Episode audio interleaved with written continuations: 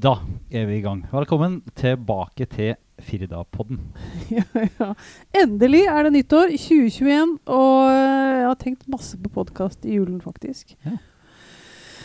Ja, rett og slett. Ja, vi starter med det.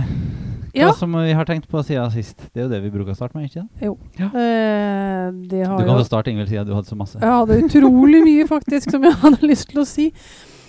Eh, det ene var Det må jeg nesten bare ta først. Og det var at eh, Jens Stoltenberg ga et intervju på P2 om, eh, eh, om hans skolegang. Og han, Jens Stoltenberg vet dere jo, han er en politisk eh, personlighet og har gjort veldig mye. Men han gikk da på Steinerskolen. Steinerskolen. Ja, jeg hørte det faktisk. Han gikk Ja. på Steinerskolen. Ja. Men det som er interessant, det er jo at han var ikke noen sånn lesende og skrivende person først. Så det tok lang tid før han begynte å lese og skrive. Mm. Og så tenker jeg at det er ganske viktig å kunne formidle til elevene at en person som har kommet så langt i livet ja, det, det, Om man ikke lærer å skrive og lese med en gang, så kommer det til å gå fint. Bare man liksom har litt sånn romslighet rundt, uh, rundt elevene. Det tenker jeg at det, det ble jeg veldig glad for å høre, og jeg tenker at det er noe som vi bør ta med oss inn da. Ja. I, klass, I klassemiljøet og inn i klassen. Ehm, at han gikk på Steinerskolen, ja, det var jo selvfølgelig en liten en fin ting. Men jeg tenker at vi kan godt jobbe med det også i eh, vanlig skole. Vanlig offentlig skole. Jobbe Mm. på den måten ved å se enkelteleven og enkeltindividet. Mm. Eh, som han hadde opplevd. Ja. Og så var det en annen ting som også skjedde, nemlig 6.1, som jeg syns var ganske spennende i USA. Jeg vet ikke om dere så nyheter da, ja. Men eh, eh, Trump er jo en, eh, en spesiell person. Em, og det jeg syns var interessant, eller som jeg kanskje ikke har sett så mye i den offentlige debatten, det er jo at eh, mange psykologer har vært veldig opptatt av hans personlighetstrekk, eller personlighet. Eh, og de har jo ikke vært så synlige i nyhetsbildet. Men eh, for et år siden så var det en drøss, var det 350 psykologer, psykiatere i USA, som kom med en bekymringsmelding til Kongressen i forhold til Trumps helse, psykiske helse. Og det blir jo ikke tatt til videre. Og jeg tenker at det at man prøver å forstå en politisk leder også ut ifra personlighetstrekk, og kanskje hvis de ikke er helt psykisk stabile, så tenker jeg at det er interessant å prøve å finne litt mer ut av hva det er for noen ting, og hvorfor det er sånn. Og han har blitt sammenlignet med andre store ledere, som f.eks. Hitler, Mussolini, Gaddafi osv. Og det tenker jeg at I en politisk debatt så tenker jeg at det skulle vi hatt med inn. Det er interessant. Og jeg er opptatt av, psykologi, selvfølgelig. Så da ble det Ja, det tenkte jeg ganske mye på forrige Mm. uke. Da vi så det vi så natt til 7. januar. Ja. Så det var to ting. Ja. To ting. Tenkt på. Trump. Ja. Ja. Og du, Hans? ja, jeg prøver ikke å tenke så mye på Trump. Ja.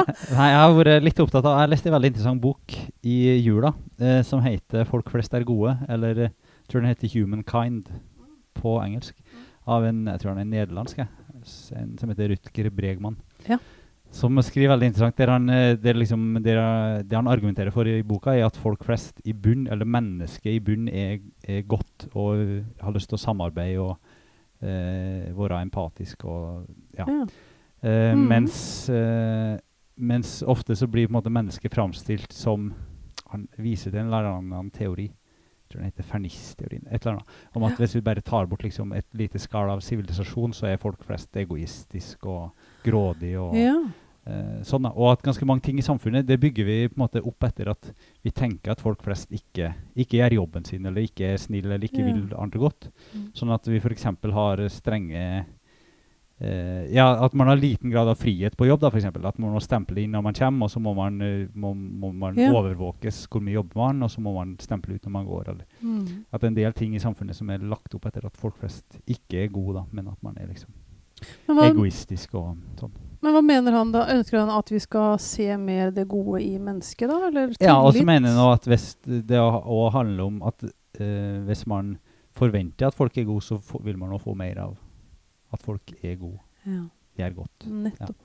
Mm. Um, ja, så det var en veldig interessant bok. Han har masse eksempler fra, fra ting i, i historien og i verden. Og viser f.eks. til norsk kriminalomsorg og, og norske fengsel, der man, de som sitter i norske fengsel, får på en måte eh, masse frihet, masse muligheter, og målet er at de skal fungere ute i samfunnet igjen etterpå. Og så Ja. gjør de i veldig stor grad det, men det koster ganske mye. Norske fengsel, norsk kriminalomsorg koster ganske mye. Mm. Men uh, hvis man ser på liksom det at man får veldig mye mindre kriminalitet igjen når de kommer ut, så, så funker det, da. ja.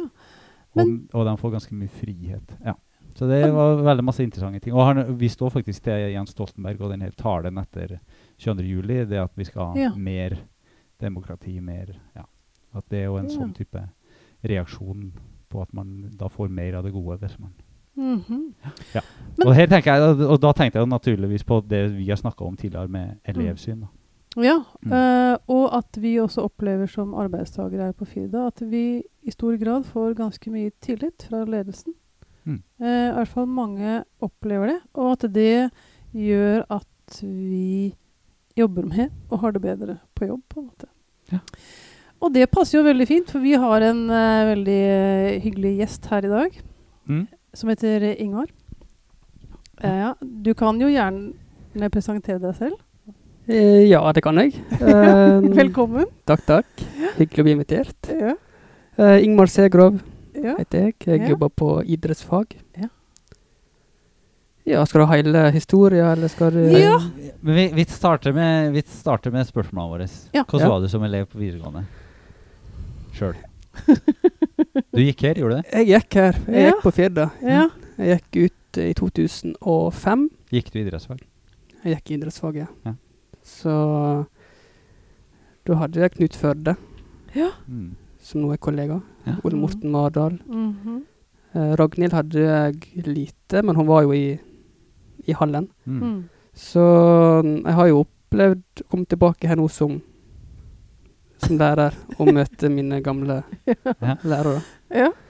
Men jeg var vel eh, Jeg var ikke sånn kjempe Jeg var ikke den som bråkte mest. Det var ikke jeg um, her på Firda. Men jeg var Mm. nok Og så var jeg mye sterkere i idrettsfaga enn i Jeg vet at jeg var ikke kjempegod i matematikk. Da hadde jeg Birgitte som lærer. Ja, nettopp. Flink lærer, men jeg uh, følte ikke at det var mitt fag. Mm. Så jeg var veldig interessert, og fikk en sånn indre motivasjon Ja. for uh, idrettsfagene. Så ja, så jeg på en måte tenkt Jeg tenkte jo allerede da at jeg kanskje det å være idrettsfaglærer, det kunne kanskje være én vei. Ja. Kan ikke du da si litt om veien til at du nå da er lærer her på, på Firda? Hadde du bestemt deg når du gikk ut fra Firda, på en måte, eller var det tilfeldigheter? Eller Det, det det er tilfeldigheter. Jeg var um, Jeg var ganske bestemt på å jobbe med mennesker. Mm. Det fant jeg ut på videregående. Uh, jeg, vet, jeg vurderte Det er ganske spesialist, men jeg vurderte eh, barnevern, Mm. sykepleier, politi og idrettspedagog, da med fokus på idrett og funksjonshemming. Mm. Så lærer Mm. var en av dem. Ja. Og det tror jeg er litt på bakgrunn av uh, familie. Jeg har en far som har jobba litt for til um, ja, voksne og ungdom med funksjonshemminger. Mm. Og så broren min er sykepleier. Ja. Uh, så ja, litt påvirka det. Og så ble det etter videregående så var det Forsvaret. Og så begynte jeg da i Sogndal og studerte idrett og helse. Ja. Og så ble det PPU i Sogndal, og så tok jeg eh, idrett og funksjonshemming på Idrettshøgskolen i Oslo. Ja. Så da jeg Hvor lenge var du i Oslo, da? Det er et år. Ja, ok. Så det er et halvt år i Oslo og halvt år på Beitostølen. Mm. Så mm, ja, da var jeg ferdig utdanna. Og da er jeg på en måte spesped innenfor idrett. Mm. Og så, Man har òg muligheten til å jobbe som lærer. Så da søkte jeg eh, ulike jobber, og havna i Øystese. ja. Lita, veldig flott bygd i Hardanger. ja. Jobba der i to år. Da var det litt sånn kombistilling med lærer og veldig mye fotball på kveldstid. Ja. Og så, etter det, så reiste jeg til Lillehammer. Var der i tre år, jobba på videregående. Før jeg i 2016 flytta hjem til Sandane. Mm. Mm. Men hva er det idrettsfag som du syns er gøy, da? Altså, hva er det Hvorfor uh, driver du med det? Hvorfor uh, er det spennende? Det er mange ting. Ja. Men eh, jeg syns idrettsfag er spennende fordi du møter elevene på veldig mange ulike uh, arenaer. ja. Du blir veldig godt kjent med dem. Ja. Uh, turer. ja. Ja, det sitter rundt bålet og prater med elevene i flere timer. Mm. Eh, jeg har mye aktivitet på morgenen på kunstgressbanen. Mm. Da går jeg til og fra i lag med elevene. Da får du plutselig ti minutter elevsamtale til og fra. Så Ja. Og så er vi opptatt av det med at vi skal ha det litt ut av komfortsona. Vi skal uh, Vi skal jo på en måte innom ulike idretter. Og noen av de uh, idrettene er nye for noen. Mm. Og da blir jo det Ja, skaper den tryggheten som gjør at de At de prøver, da. Ja. Så det er mange ting som er spennende med idrettsfag, men det er jo ja, generelt veldig fin ungdom, da. Ja. Mm. Gode, det, det gode kommer kanskje litt tettere på. Eller for jeg har, jo, jeg har jo sånne fag som gjør at jeg har få elever i mange år, og jeg har dem ofte ganske få timer i uka òg. Så jeg savner jo litt det der med å komme tett på. Men, eh, men hvordan er det? For er det sånn at dere føler mest ett trinn, eller er dere litt For vi har jo tre Nå er det vel tre idrettsfagsklasser? ikke det? Eller er det Jo. Tre-fire. fire. I- Det er, Ett på hvert årstrinn? Ja. ja, og I første klasse nå så har vi ei hall. Mm. ja, ja, stemmer. Ja. Mm. Eh, men er det sånn at dere følger mest i én klasse, eller er dere litt på alle trinnene dere som jobber på, på idrettsfag? Vi, eh, som kontaktleder så har vi de i tre år, er det som er tanken. Ja. Men så er vi eh, innom alle klassene. Mm. Sånn som jeg har hov, Jeg har mitt, mitt fokusområde der, der borte er jo på en måte fotball. Da har jeg alle fotballelevene. Mm. Eh, Ole Morten har friidrett. Jens Christian har volleyball, Mm. klatring osv. Så, videre. Mm. så vi er innom uh, og bruker kompetansen til de ulike lærerne. Så vi blir veldig godt kjent med dem. Det, Ja, så du, du føler med at du kjenner alle idrettselevene egentlig veldig godt? da? Ja, Eller, egentlig. Ja. Mm. Nå har vi Det blir vel akkurat 100 elever da, Ja. som går idrettsfag. Mm. Så ja, en blir veldig godt kjent med dem. Og det mm, tror jeg er litt av nøkkelen for å ja, få den tryggheten, da. Mm. Men jeg tenker på at øh, Hans og jeg underviser øh, for tiden stort sett øh, øh, teoretiske fag. Mm. Eh, å undervise i praktiske fag er jo litt annerledes. Hvordan tenker du øh, Altså, hva er det som er Både det viktige, tenker du, ved å undervise i praktiske fag? Hva er det som er viktig fokus? Ja Det er sikkert Eh, mange, da, men hvis det er noen liksom tenker Nei, altså, jeg, det er jo ulikt, selvfølgelig, med mm. teori og praktiske fag, men jeg mener at du må være engasjert uansett. mm, Både så i teoritimene òg, men mm. enda mer i de praktiske fagene. Ja. Så ja, jeg må by litt mer på seg sjøl. Det Ja. tror jeg, i de praktiske fagene. Mm. Og så tror jeg jo at Iallfall sånn som vi prater om mestring i på idrettsfag, så er det ting som skal være litt vanskelig, Mm. og så klarer de det. Ja. Så vi må på en måte bli kjent med elevene, legge, gi dem utfordringer. Kanskje noen har nok med å ta ei rulle, Mm. Eh, mens en annen elev i samme klasse må ta en salt, altså salt Ja. på trampoline. En må Mm. ta kanskje dobbel. Ja. Og da er det på en måte å tilpasse øvingene til hver enkelt. da. Ja. Og det er mer utfordrende i praktiske fag enn i teori. Ja. For da kan du på en måte gi alle samme oppgaver. Men det er ikke så enkelt i, i, Mm. i det, det praktiske. Mm. Men man vil jo på en måte Eller jeg tenker jo at jeg, for min egen del så burde jeg bli litt flinkere til også å kanskje tenke litt sånn som du tenker i praktiske fag i teoretiske fag òg. At man eh, finner liksom ei utfordring som passer den enkelte eleven på det nivået den er, i, er på, på et eller annet vis. Ja, Men det er kanskje enklere òg i praktiske fag. Ja, det blir jo litt mer synlig, i hvert fall. Ja. Fortere Mm. synlig. Jeg tenker at eh, eh, I teoretiske fag så kan jeg jo Det kommer litt an på klassen, men jeg kan jo ikke gi samme oppgave til en to-treer-elev som en eh, fem-seks-elev. Da må jeg på en måte justere og tilpasse på et eller Ja. annet vis. Eller kravene blir større eller annerledes, selvfølgelig.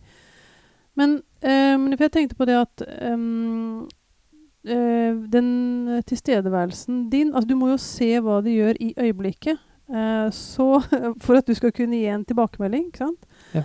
Eh, så hvordan, eh, hvordan fungerer det egentlig? Altså, Du kan jo ikke være på en måte hos 100 elever samtidig, og det er det jo sannsynligvis ikke. Men hvordan gjør det rent praktisk for oss som da ikke helt vet hvordan deres hverdag er? Nei, det er jo det er jo utfordrende. Mm. Det er det. Nå har vi ja, ikke større gruppe enn en 30, heldigvis. Men, um, ja. Men det er litt som du sier, Hans, at det er veldig synlig. Ja. Så det er jo synlig hvis du har elever som, Mm. som mestrer det, eller Mm. mestrer det nesten, eller Mm. er langt ifra. Mm.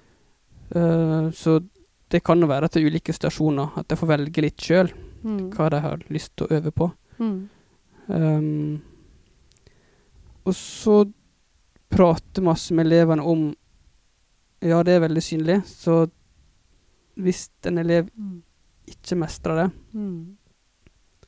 så må vi fortsette å prøve. Ja. Og prøve og prøve. Mm.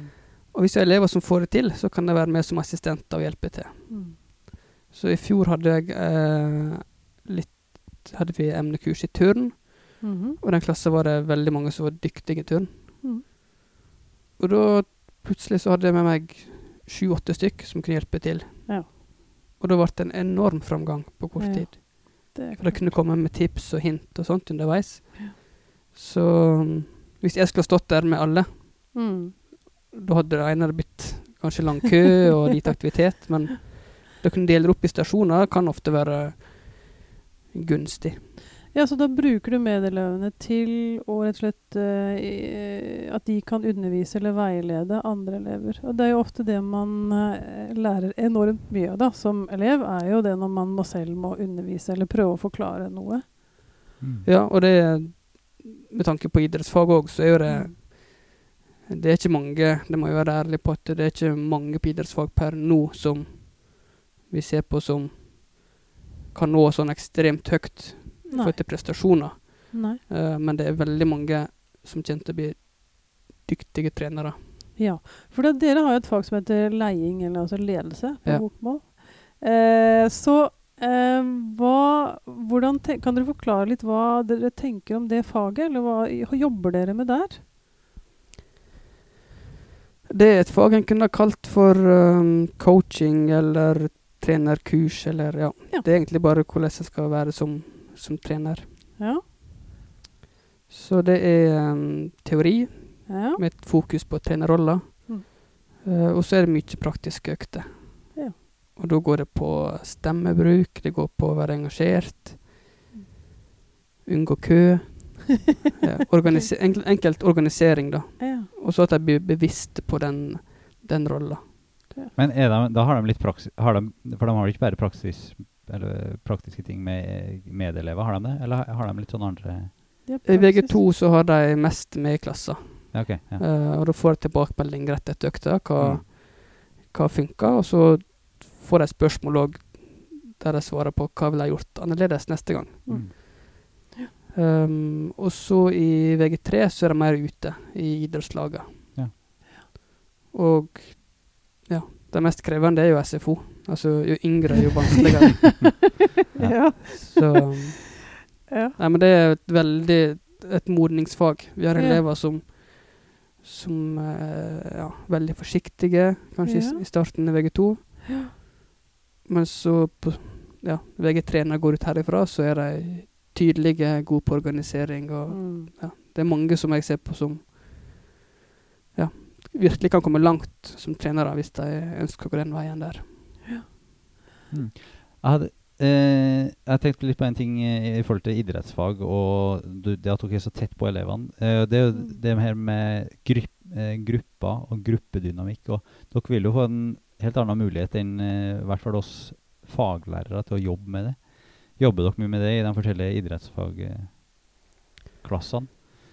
Jeg opplever jo veldig når jeg er på, på klasselærermøter med, med dere, så har dere veldig liksom, god oversikt over enkeltelever og klassemiljøet Mm. på en annen måte enn enn i veldig mange andre klasser. da. Ja, vi, vi prater veldig mye mer om hvordan vi skal ha det. Mm. Um, vi bruker begrepet fair play uh, mye når vi har aktivitet. Men det Det går veldig mye på det at de um, De skal føle en form for trygghet. Så jeg bruker ofte den formelen som Fotballforbundet har, med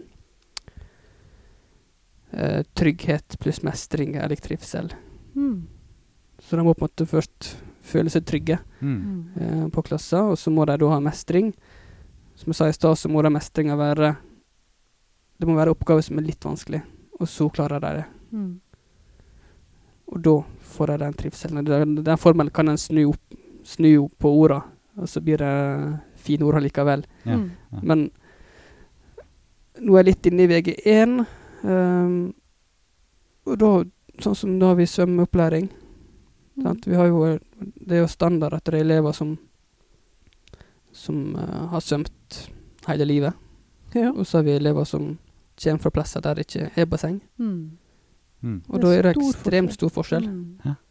Så, og da, da er det viktig på en måte at eleven har en forståelse for at det, sånn er det. Og Mm. samme er det i turn, eller fotball eller basket. Noen har drevet med det, noen er helt ferske. Mm.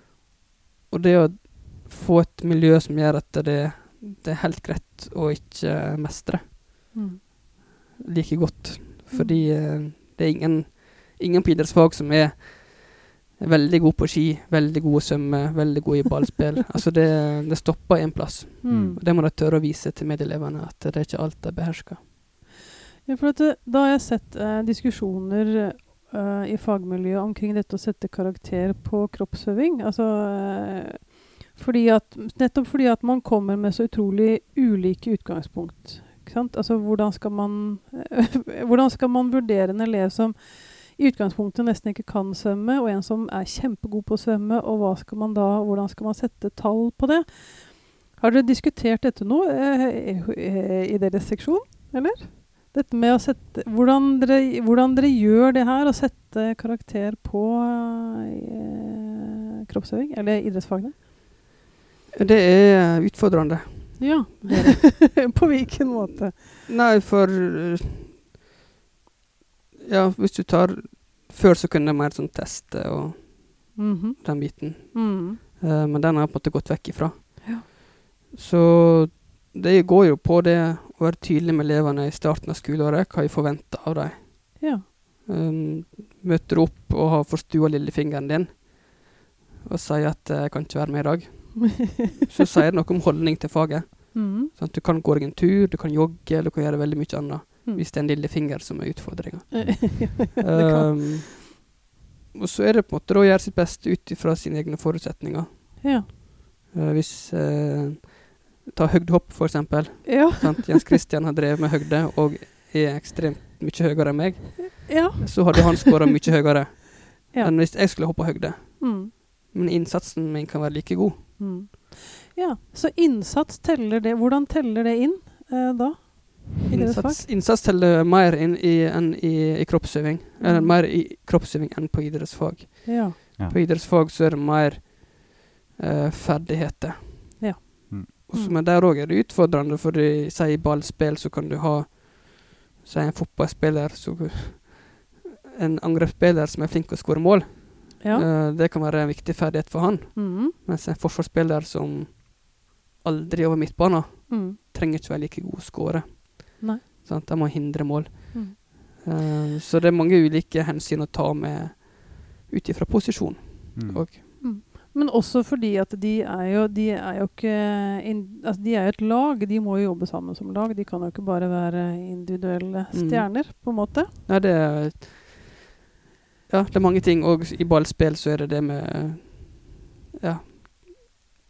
En ting er å kunne beherske ei finte, Mm. men så er det på en måte å ferdigheten på når er det riktig å ta den finta, og når er det viktig å, riktig å sentre til en medspiller. Så det, det er et utfordr... eh, matematikk, eh, tenker jeg, det er enklere. Der er det to strek under, eh, under svaret.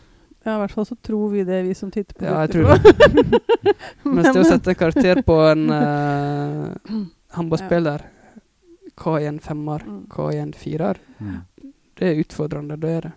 Men vil det si at dere bruker ganske mye skjønn, selv om dere har noen Dere har jo selvfølgelig noen kriterier dere går etter, men at det også går, er en del skjønn? Altså Jo, på en måte er jo det men uh, det er jo noe som kommer med erfaring. At vi, vi Mm. veit hva er liggende, hva skal Mm. være på nivået for, uh, Mm. for en firer, og hva er nivået på en, på en femmer. mm. Uh, Utfordringen vår er å formidle det til en 17-åring Ja. som tror kanskje at, uh, Ja, at nivået er At de sjøl er på et høyere nivå. ja, nettopp. Så du har, vi har jo elever som ja, kan være best i sitt årskull fra Sandane, Mm. eller fra Eid, eller Mm. Men så er det på en måte Er det, er det godt nok allikevel? Mm. Det, ja. det spørs hvem man sammenligner seg med. Men sånn sett så kan man jo se en parallell mellom idrettsfag og humanistiske fag, som jeg jobber mye med, hvor man bruker eh, norsk eh, psykologi og religion og etikk, som er jo et veldig sånn drøftende type fag, samtidig som man, det er teoritungt, men man skal anvende teori. Og da er bruker vi også ganske mye skjønn når vi skal vurdere fagartikler, selv om vi har masse kriterier som vi går etter.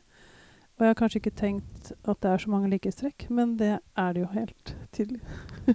Ja, det er det, men det, jeg tror at mye med, med god dialog Så jeg har iallfall opplevd ja, god forståelse med elevene hvis jeg prater med dem, Ja. og de får oppgaver på konkrete ting de må jobbe med, Mm. for å gå fra, gå fra en uh, firer opp til en femmer, f.eks. Mm. Mm. Mm. Idrettsfag er jo ganske praktisk. Så, og nå er vi kommet i rød periode igjen, eller hva jeg skal Ja. kalle det. Rød sone. Hvordan påvirker det deres undervisningshverdag, egentlig? Det påvirker oss i stor grad. Ja, um, hvordan da? vi har uh, altså, Vi har jo kjempefine uh, anlegg. Ja. uh, men det er jo òg anlegg som blir brukt av barneskolen, Mm. ungdomsskolen og Mm. andre. Ja. Så logistikkmessig er det betydelig mer jobb Ja. for Ja. oss. Mm. Fordi vi må passe på at ikke det andre At det blir kollisjoner med, med andre. Mm. Og så er det den énmeteren. Hvordan går det? Og det er Nå har jo det endelig kommet eh, snø ute. Yes, det har det. Um, og så er det. Jeg satt og planla ei økt der og tenkte OK, snørugby? Nei, det kan jeg ikke ha. På grunn av -hmm. Uh, så hadde vi ski. Tenkte ok, da kan vi ha et skistafett. Litt Ja. stiv heks mm. også på ski. Det går ikke pga. énmeteren. Uh, så det er mange ting å ta, ta hensyn til. Mm. Og så er det er jo det, det med renhold. Vi hadde badminton nå på mandag, med Ja. første idrett. Mm. Og da må vi vaske hver racket. Ja. Mellom hver gang de, de bruker den. Mm. Fordelen er at nå blir elevene utrolig gode på dette med renhold. Altså. Ja, men utfordringa er at det ofte er vi lærerne som må, må gjøre det. Så Ja, da, altså.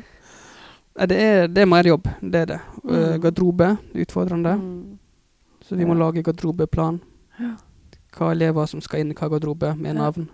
Mm. Logistikk, altså. Skikkelig. Det er veldig Mye mye er logistikk. logistikk. Mm. Det er det. Men jeg er også litt interessert i eh, det vi kaller toppidrett. Kan Ja. du forklare litt hvordan fungerer det? Eh, for oss som da er utenfra, så er det et litt sånn mysterium hva dere driver med der borte på idrett av og til. Fordi at dere organiseres jo på en helt annen måte. Så hvis du kan si, bruke toppidrett som eksempel og forklare litt, hva er det for noen ting? Eh, Toppidrett er et begrep som er for det første er vanskelig å forklare, for det blir brukt på så Mm. mange ulike eh, Ja. plasser. Ja. Uh, du har uh, toppidrettsutøver, mm og så toppidrettsgymnas, Mhm. og så er det programfaget som heter toppidrett, Ja. som vi tilbyr. Mm. Og da velger man enten toppidrett eller breddeidrett? er det sånn? Ja. Og toppidrett, da er det mer det at man Ja, nei, nå trenger ikke jeg å Det er riktig, det. ja, men det er mer at man er, Da er det én idrett man fokuserer på, i stedet for å fokusere Ja. på mange? Eller? Skal jeg si, I VG1 så har de aktivitetslære Mm. og breddeidrett. Og det har alle sammen? Det har alle i VG1. Ja, ja. Og i VG2 Mm. så har de aktivitetslære, og så må de velge da enten bredde eller toppidrett. Mm. Og breddefaget er mer allsidighet innom ulike Ja, alt av uh, aktiviteter og Mm. idretter. Mm. Eh, toppidrett, da kan de satse mer på sin idrett som de ønsker å gå mer i dybden på. Ja. Mm. Og da er det ulike kriterier som at du er på um, eh, en fotballspiller så bør han spille på det høyeste nivået som er da i på sin heimstad. Mm. Så det er ikke nok å se fotball og synes det er interessant. Nei. Så, uh, men de kan jo velge det hvis de vil, men uh, det blir veldig um, Det er høyere krav på Mm. toppidrett enn Mm. enn på bredde. Mm. Og Det samme gjelder i VG3. Da velger de breddeidrett eller toppidrett. Mm. Og toppidrettselevene de skal være mer selvstendige. Ja. Da er det mer eh, egentrening. Mm. Og så har vi noen økter der de samles på tvers av idrettene, og så kjører vi basis basisøkter. Mm. Så Ja, der man trener på basisferdigheter. Ja. Styrke og Ja. utholdenhet. da samler vi vektløfter, fotball, håndball, Ja. langrenn. Så har vi ei økt i lag. Mm.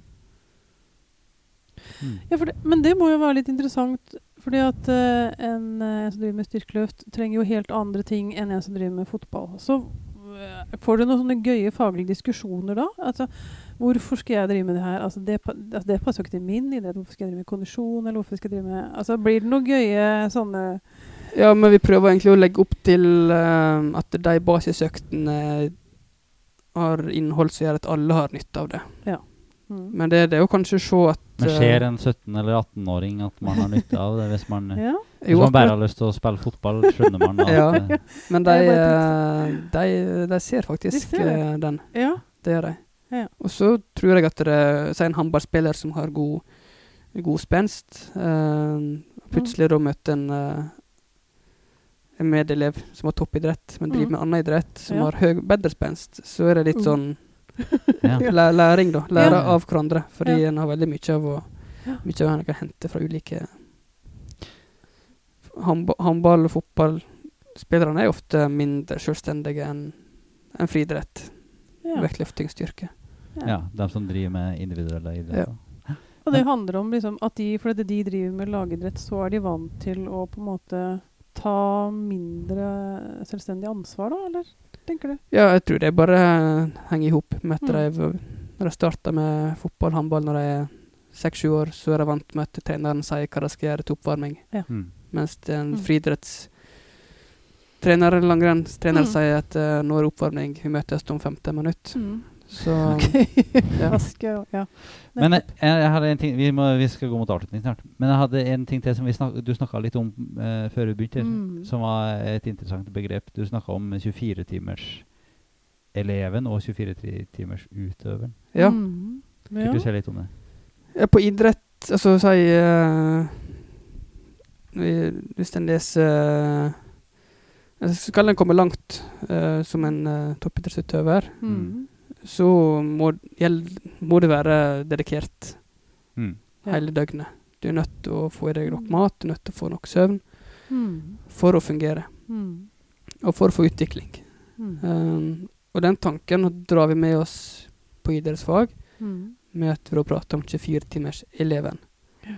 Så Og det det gjør er dere lærerne sammen, eller er dere ut mot elevene? Og, Vi prater med, med elevene òg. mm. spesielt i faget treningslære, Ja. Mm. som er teorifag, så er jo det at de har forståelse for søvn og kosthold, hvor viktig det er for at de skal få den ut, utviklinga som, de, som de skal ha. da. Mm. Og så legger vi til rette, vi prøver å tilpasse så godt som mulig at det som skjer på kveldstid, passer med det som er på dagtid. Mm. Så har de en fotballkamp søndagskveld, og jeg har dem i fotball mandagsmorgen. Så har jeg ei rolig økt Mm. på mandagen. Mm. Mm. Nettopp for å Mm. gjøre treningslære om i, i I praksis. praksis da. Ja. Ja.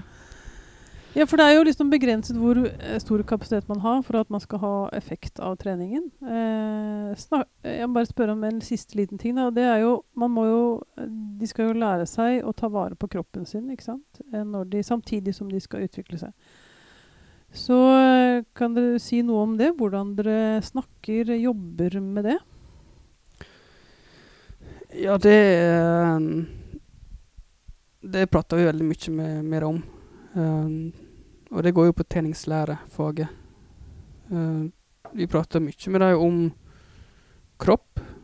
Um, vi prater mye med dem om de trenger mye mat. Ja. De gjør det. Uh, men mange av deres uh, forbilder, eller hvem de ser på Instagram, de er en heltende alder. Mm. Sant? Ja. De er ferdig utvikla. De er Ja. kanskje 25, kanskje 30 år. ja. Um, så vi prater mye med elevene om at for jentene sin del så er det helt normalt at de legger på seg litt akkurat i den alderen her. Mm.